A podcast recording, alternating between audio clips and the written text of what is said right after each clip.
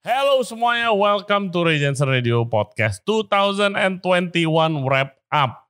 Hari ini gua nggak podcast sama siapa-siapa, gua di sini cuma mau say thank you to everybody yang udah support the podcast. Yang pertama gua mau say thank you ke of course listener dan juga viewer setia Radiance Radio Podcast. Dari yang nonton kita di YouTube sampai yang dengerin kita di Spotify, Apple Podcast, dan juga Google Podcast. Thank you banget semuanya. Dan setelah dilihat analyticsnya juga sama produser baru kita, yes kita udah punya produser sekarang. Jadi mayoritas yang nonton pun nonton dari awal sampai akhir. Dan juga ada beberapa yang DM katanya kalau nonton YouTube podcast kita itu nggak di skip iklannya. So thank you very much. We couldn't do this without you. Kita juga mau terima kasih kepada narasumber-narasumber yang gokil-gokil nih cerita-ceritanya yang memberikan gua dan juga viewer-viewer kalian semua itu amazing inspiration dari story mereka. Dan banyak juga yang gua baru kenalan di podcast dan juga sekarang jadi teman. It's been an amazing journey, it's been an amazing year. Kita udah ada videographer baru dan juga produser baru. Jadi maybe, just maybe, next year kita bisa lebih berkembang lagi dan kita bisa bikin more content. Salah satu dream gua, kalian udah pasti udah tahu mau bikin travel show. So let's see about that. Doain ya. Oke, kita juga mau terima kasih juga kepada brand-brand yang udah support kita. Beberapa brand seperti Le Cordon Bleu dan juga PT Jadi yang udah mau kerjasama sama kita. Yang lain yang belum kerjasama kita tungguin di sini. Yes. Oke okay guys, thank you ya sekali lagi. Uh, hope you have a amazing Christmas dan juga amazing New Year. And see you next year. This is the wrap up. Enjoy.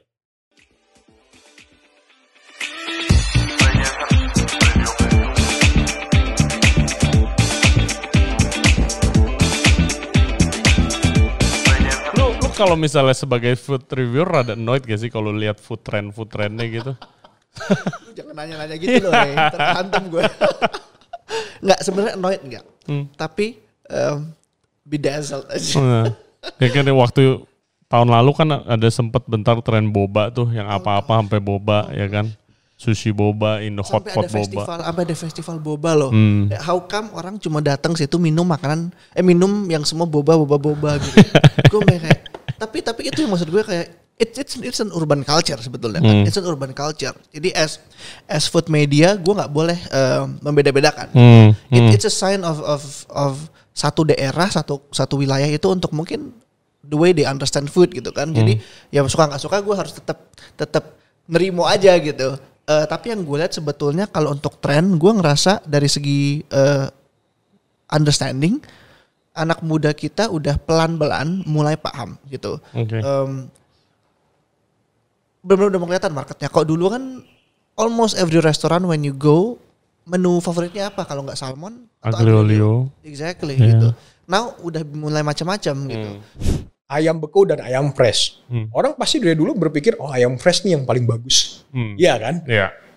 Padahal Ternyata- ternyata, kalau memang memang secara labnya gitu ya, harusnya ayam beku yang lebih bagus. Oh begitu? Iya. Oke, please elaborate. Uh, lihat kamera Oh lihat, iya Jadi pokoknya kenapa? ayam beku yang paling bagus. Why? Lebih bagus lah. Ah. Karena kalau misalnya ngomong secara fresh, lu misalnya ayam hidup lu beli di pasar nih. Uh-uh. Lu potong di depan lu masih hidup gitu kan. Darahnya masuk mana-mana kan. Kalau ibu-ibu seneng tuh. Seger. Waduh gila dah gitu kan pokoknya mantep banget nih gitu darahnya semakin banyak semakin bagus gitu kan padahal kan kalau kayak gitu sebenarnya mengandung mikrobanya apa segala macam sebenarnya masih hidup kan Iya. ya kalau ngomong kasarnya ya dan Ah. ayam pasti mengandung itu kan Dan ada ada salmonella di pasar nggak ada esnya. Iya, Lupain ya, AC lu deh, logika lah. Iya, lu lupain lah. Lu nggak usah ngomong AC lah ya kan. Kalau gua nggak menjelekkan pasar ya, Iya, tapi iya. memang banyak banyak lah kalau gua ngomong supplier yang belum mempertaham apa memperhatikan hal-hal seperti itu pasti banyak lah di Indonesia ya tergantung kelas supplier seperti apa Hmm.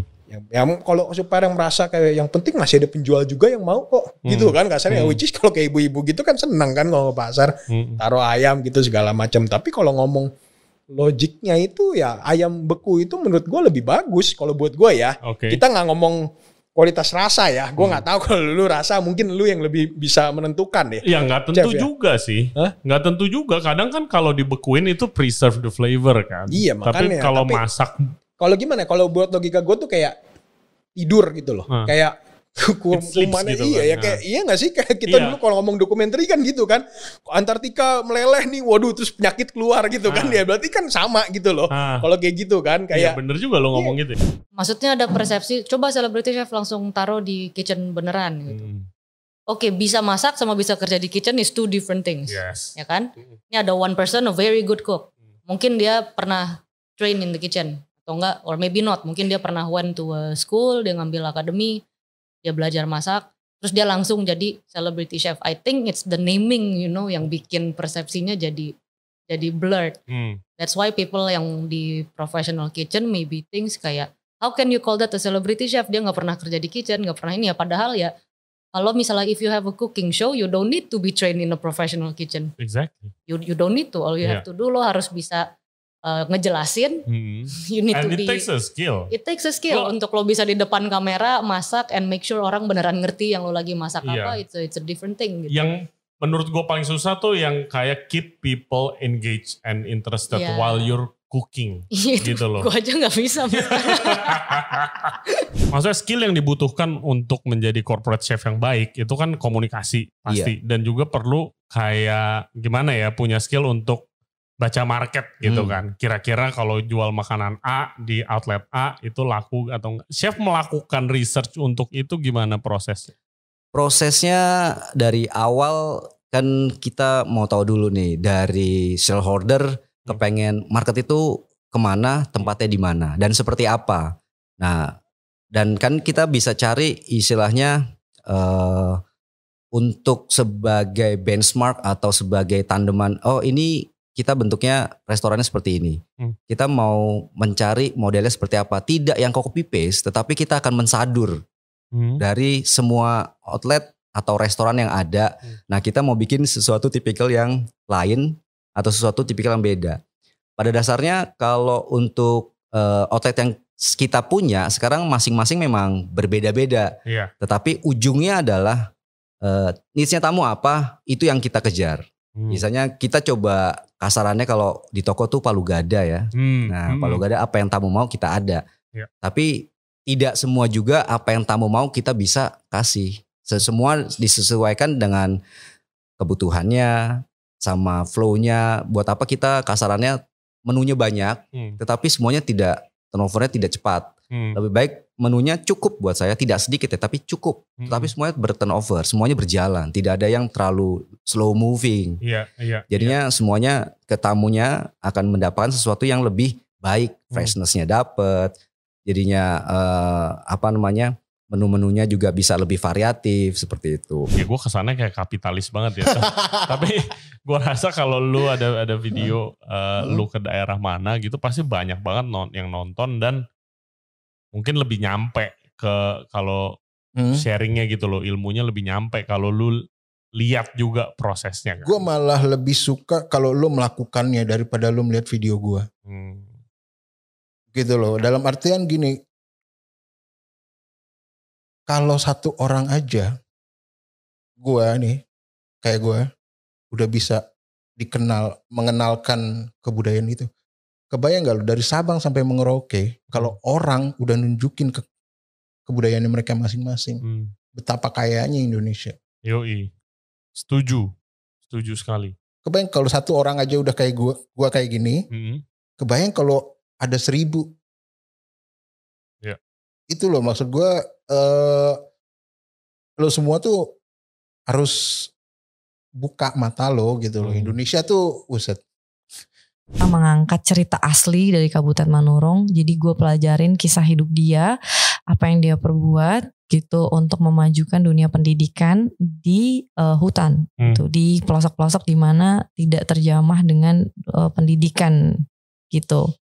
Mereka yang datengin gitu. Terus kita bikin cerita apa eh, angkat ceritanya dan gue eh, jadi salah satu sahabatnya Kabutet Hmm. gitu. Jadi gue pelajarin situ banyak hal yang membuka pikiran gue tentang hidup, eh, membuka apa ya, membuka eh, apa ya cara pandang gue terhadap manusia, terhadap terhadap orang yang tidak gue kenal, Hmm. terhadap konservasi. Waktu itu Ya. gue nggak paham konservasi apa sih gitu, Hmm. apa sih pentingnya kenapa sih ada orang-orang yang mempertahankan hutan ngapain sih gitu ya kenapa orang ini nggak mau keluar dari hutan gitu Mhm. kenapa nggak well, it's, it's a pleasant life here di di kota gitu kan ternyata gue menemukan nilai-nilai hidup yang tidak gue dapatkan di kehidupan gue gitu Gimana tuh jadi steward ke Wih. kan kerjanya gila banget Gila, kan gila. gila. kan. Kalau lo kitchen yang paling gede yang pernah. Eh, Oke, let's see kitchen bilanglah kitchen segede apa ya restoran apa yang bisa gua mention ya. Eh inilah tempat lo lah. Ini misalkan kayak segede mungkin 6 meter kali 12 meter lah. hmm. Kalau kita di sini itu ngerjainnya bersepuluh berlima kali stewardnya. Kalau di kapal pesiar sendiri bro. lu? sendiri. Sendiri. Sendiri. Jadi apalagi yang night shift. Oh. Yang night shift itu dia kalau aku bilang parah sih kerjaannya. Jadi inilah orang-orang lihatnya kita kerja kapal pesiar banyak duit. Oh, ya yang namanya gadget gonta ganti gadget Nah, mereka cuma lihatnya itu di permukaannya aja, Hmm. bro. Tapi di belakangnya itu kerja kerjanya Ya. kayak apa gitu loh. Kalau misalkan lu lihat kayak gue don't even bother man bikin bikin bikin ears kayak gini gue cuma seret seret seret seret seret seret gitu loh. hmm. Orang tuh udah kehilangan esensinya baking tuh kayak ini tuh kayak gold standard gitu loh Rey. Padahal nggak harus begini. Hmm. Orang-orang merasa yang sering gue rasakan dengan bodohnya gue. Hmm. Kalau misalkan roti nggak begini gue bete. Oh gitu. Nggak tahu kenapa padahal Kalau bakaran pertama udah nggak berkuping. iya kalau bakaran pertama nggak begini gue udah bete tuh Udah. langsung jelek semua tuh. Nah, Mood gue langsung jelek itu gobloknya gue kayak gitu. nah. Padahal ini Padahal ini rasanya sama-sama rasanya aja. sama, bentuknya sama. Bahkan pernah kayak sekali nggak ber- semua nggak ada yang nggak begini, gue nggak kasih ke customer akhirnya. Hmm. Oh iya, karena eh, pernah dikomplain gak gara-gara? Nggak nggak pernah. Oh, oke. Nggak pernah masalahnya. Dan gue pernah nanya ke orang awam. Ada satu yang ibaratnya nggak nggak berkuping gitu. Heeh. Jadi pas gue potong dia dia kayak nggak nggak berkuping, terus dia agak lebih tipis. Gue nanya ke tukang foto gue, ke fotografer gue. Dia kan awam soal roti Iya. kan. Gue jajarin menurut lu Ini jelek ini ya? jelek gak? Hmm. Biasa aja kok. Biasa aja kok. Oh gitu ya. Jadi sekarang gue udah mulai Padahal Kalau- menurut kita udah jelek banget. Iya ya. menurut kita udah jelek banget. Padahal kalau dipotong bisa aja dimakan gak ada masalah. Hmm. Gitu. ketika gua lagi riset makanan Bandung, Hmm. eh, gua ketemu dengan banyak eh, orang, mereka bilang, wah makanan ini enak nih. Eh, wah pokoknya enak banget lah, pokoknya kangenin banget apa segala macam.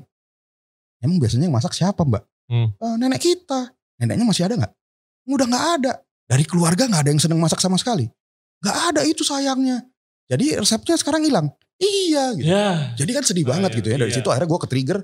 Wah ini mesti ada yang mendokumented the resepi yang Hmm. udah hampir hilang nih. Karena Hmm. bayangin kalau satu negara, eh, satu eh, keluarga punya resep-resep yang unik. Hmm. Ada berapa banyak coba? Iya, Itu Betul. Mustika Rasa nggak ada nggak ada sedikit-sedikitnya. Pasti Hmm. akan jadi bagus banget. akhirnya 2019 kita bikin lagi yuk gitu kan Hmm. si food brawl ini mau di mana Bandung lagi boleh tapi Hmm. tambahin satu kota Oke. nah, akhirnya akhirnya 2019 kita akhirnya 2019 itu kita di Bandung sama di Bali waktu itu Hmm. bukanya nah di Bandung eh tetap rame yang kaget di Bali gitu kita pikir di Bali kayak ya apa yang mau makan ya gitu ya. Hmm. burger di Bali kan itu ya maksudnya Banyak juga saingan. lu Balik, tiap perempatan ada tukang burger kali Iya, iya. ada restoran burger kali Ah, gitu kan ah, kayak ah, ah.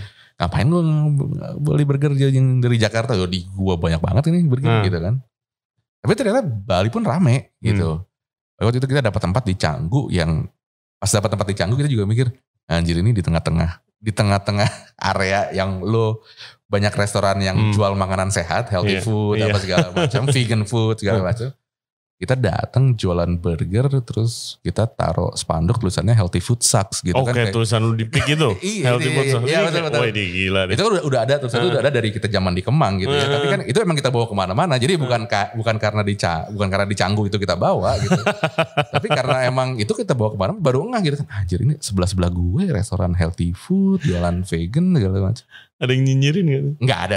Ini nyerang banget nih. Jadi apa gitu rendang? Itu kan mikir gitu dong. Sem- Iya. setelah- sementara gue juga nggak bayangin rendang itu ya begini gitu tadinya gitu kan. Hmm. Ya apa itu rendang? Akhirnya ketemu bahwa rendang itu adalah proses masak menihilkan air. Apa yang dinihilkan dari bareh randang, barehnya, berasnya yang dinihilkan. Oke. Jadi berasnya digongseng dulu Hmm. sampai kering, baru prosesnya berlanjut. Oke. Makanya namanya snacknya bareh randang, Hmm. bareh yang dirandang. Marandang kopi, kopinya yang dirandang. Oke. Eh, rendang belut, ya, Santan. iya, ya santan yang dirandang. Oke. Jadi proses menihilkan air itu. Nah, stepnya inilah yang kita kenal eh gulai, kalio, terus eh, rendang. Iya. Rendangnya ada lagi stepnya dua. Heeh. Rendang yang masih merah nih kayak gini. Iya. Ini Aha. ada rendang nangka, ini rendang. Iya, tuna. tapi stage-nya eh, warnanya masih merah. Iya. Ini namanya rendang eh, karongwo. Jadi kayak semut merah. Oke. Ya, jadi masih merah nih tahapannya. Mm-mm. Nah, yang Ray kemarin cobain yang udah sampai tahap hitam itu, Iya. yaitu udah rendang yang paling akhir. Tahap Oh. yang paling akhir. Oke. Kering dan udah nggak ada airnya sama sekali. Hmm, hmm, Sehingga dia jadi awet. Yes. Gue yes. denger cerita apa? Chef Ragil Hmm. cerita kayak wah dia lagi di mana gitu Indonesia Timur. Kayak dia pernah disajin satu table tuh karbo semua. Ada nasi karena dia orang Jakarta Yep. dikasih nasi. Tapi ada jagung, ada singkong, ada Hmm. ubi, ya semuanya karbo doang. gitu. Iya kan dulu orang Indonesia nggak ngerti apa itu karbo. Hmm, hmm. 1952 tercetusnya empat sehat lima sempurna oleh Profesor Soekarwo itu kan orang Indonesia nggak ngerti. Cuma Hmm. dikasih contoh. Hmm. Eh belum ada baik lagi belum ada ya eh, Google belum nggak ngerti baca jadi jadi kasih contoh. Hmm. Nah bertepatan dengan gencarnya revolusi hijau presiden kedua. Hmm. Gila, man. Makanya lu diambil gak sebut namanya ya bro ya. Bahaya ya bro. Jangan, jangan. Jangan, jangan, jangan. Lu masuk karung bro. Jangan bro.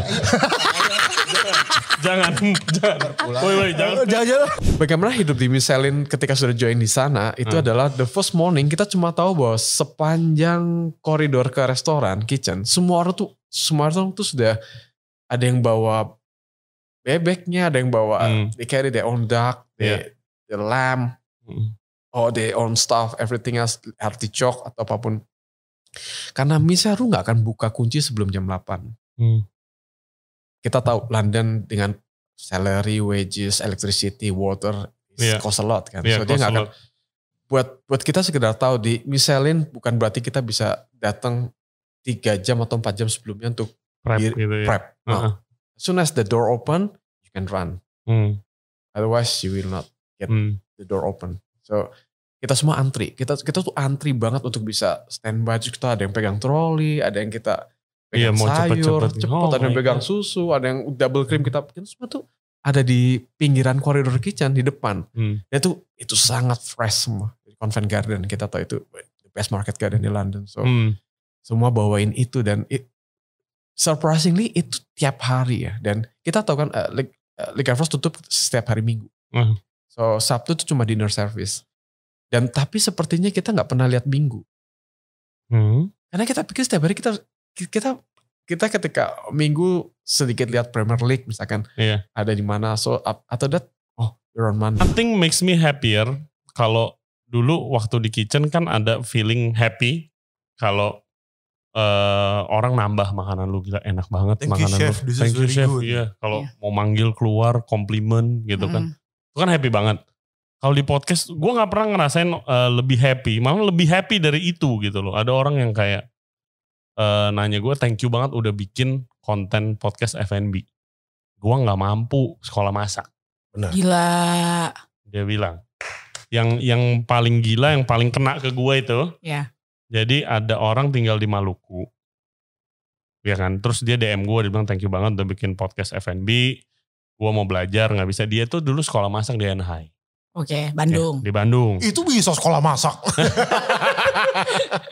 tapi waktu lagi sekolah masak dia cerita jadi waktu dari sekolah masak bisnis keluarganya di Maluku itu bokapnya sakit dia harus balik bantuin jadi dia nggak punya opportunity Putus. buat kerja Mm. gitu. Terus dia bilang kalau tamu-tamu di podcast lu tuh ngimpi kerja di luar negeri lagi gitu, pengen balik ke luar negeri lebih enak, lebih di appreciate whatever dia bilang. Gue ngimpi chef kerja di Jakarta dia bilang. Gila.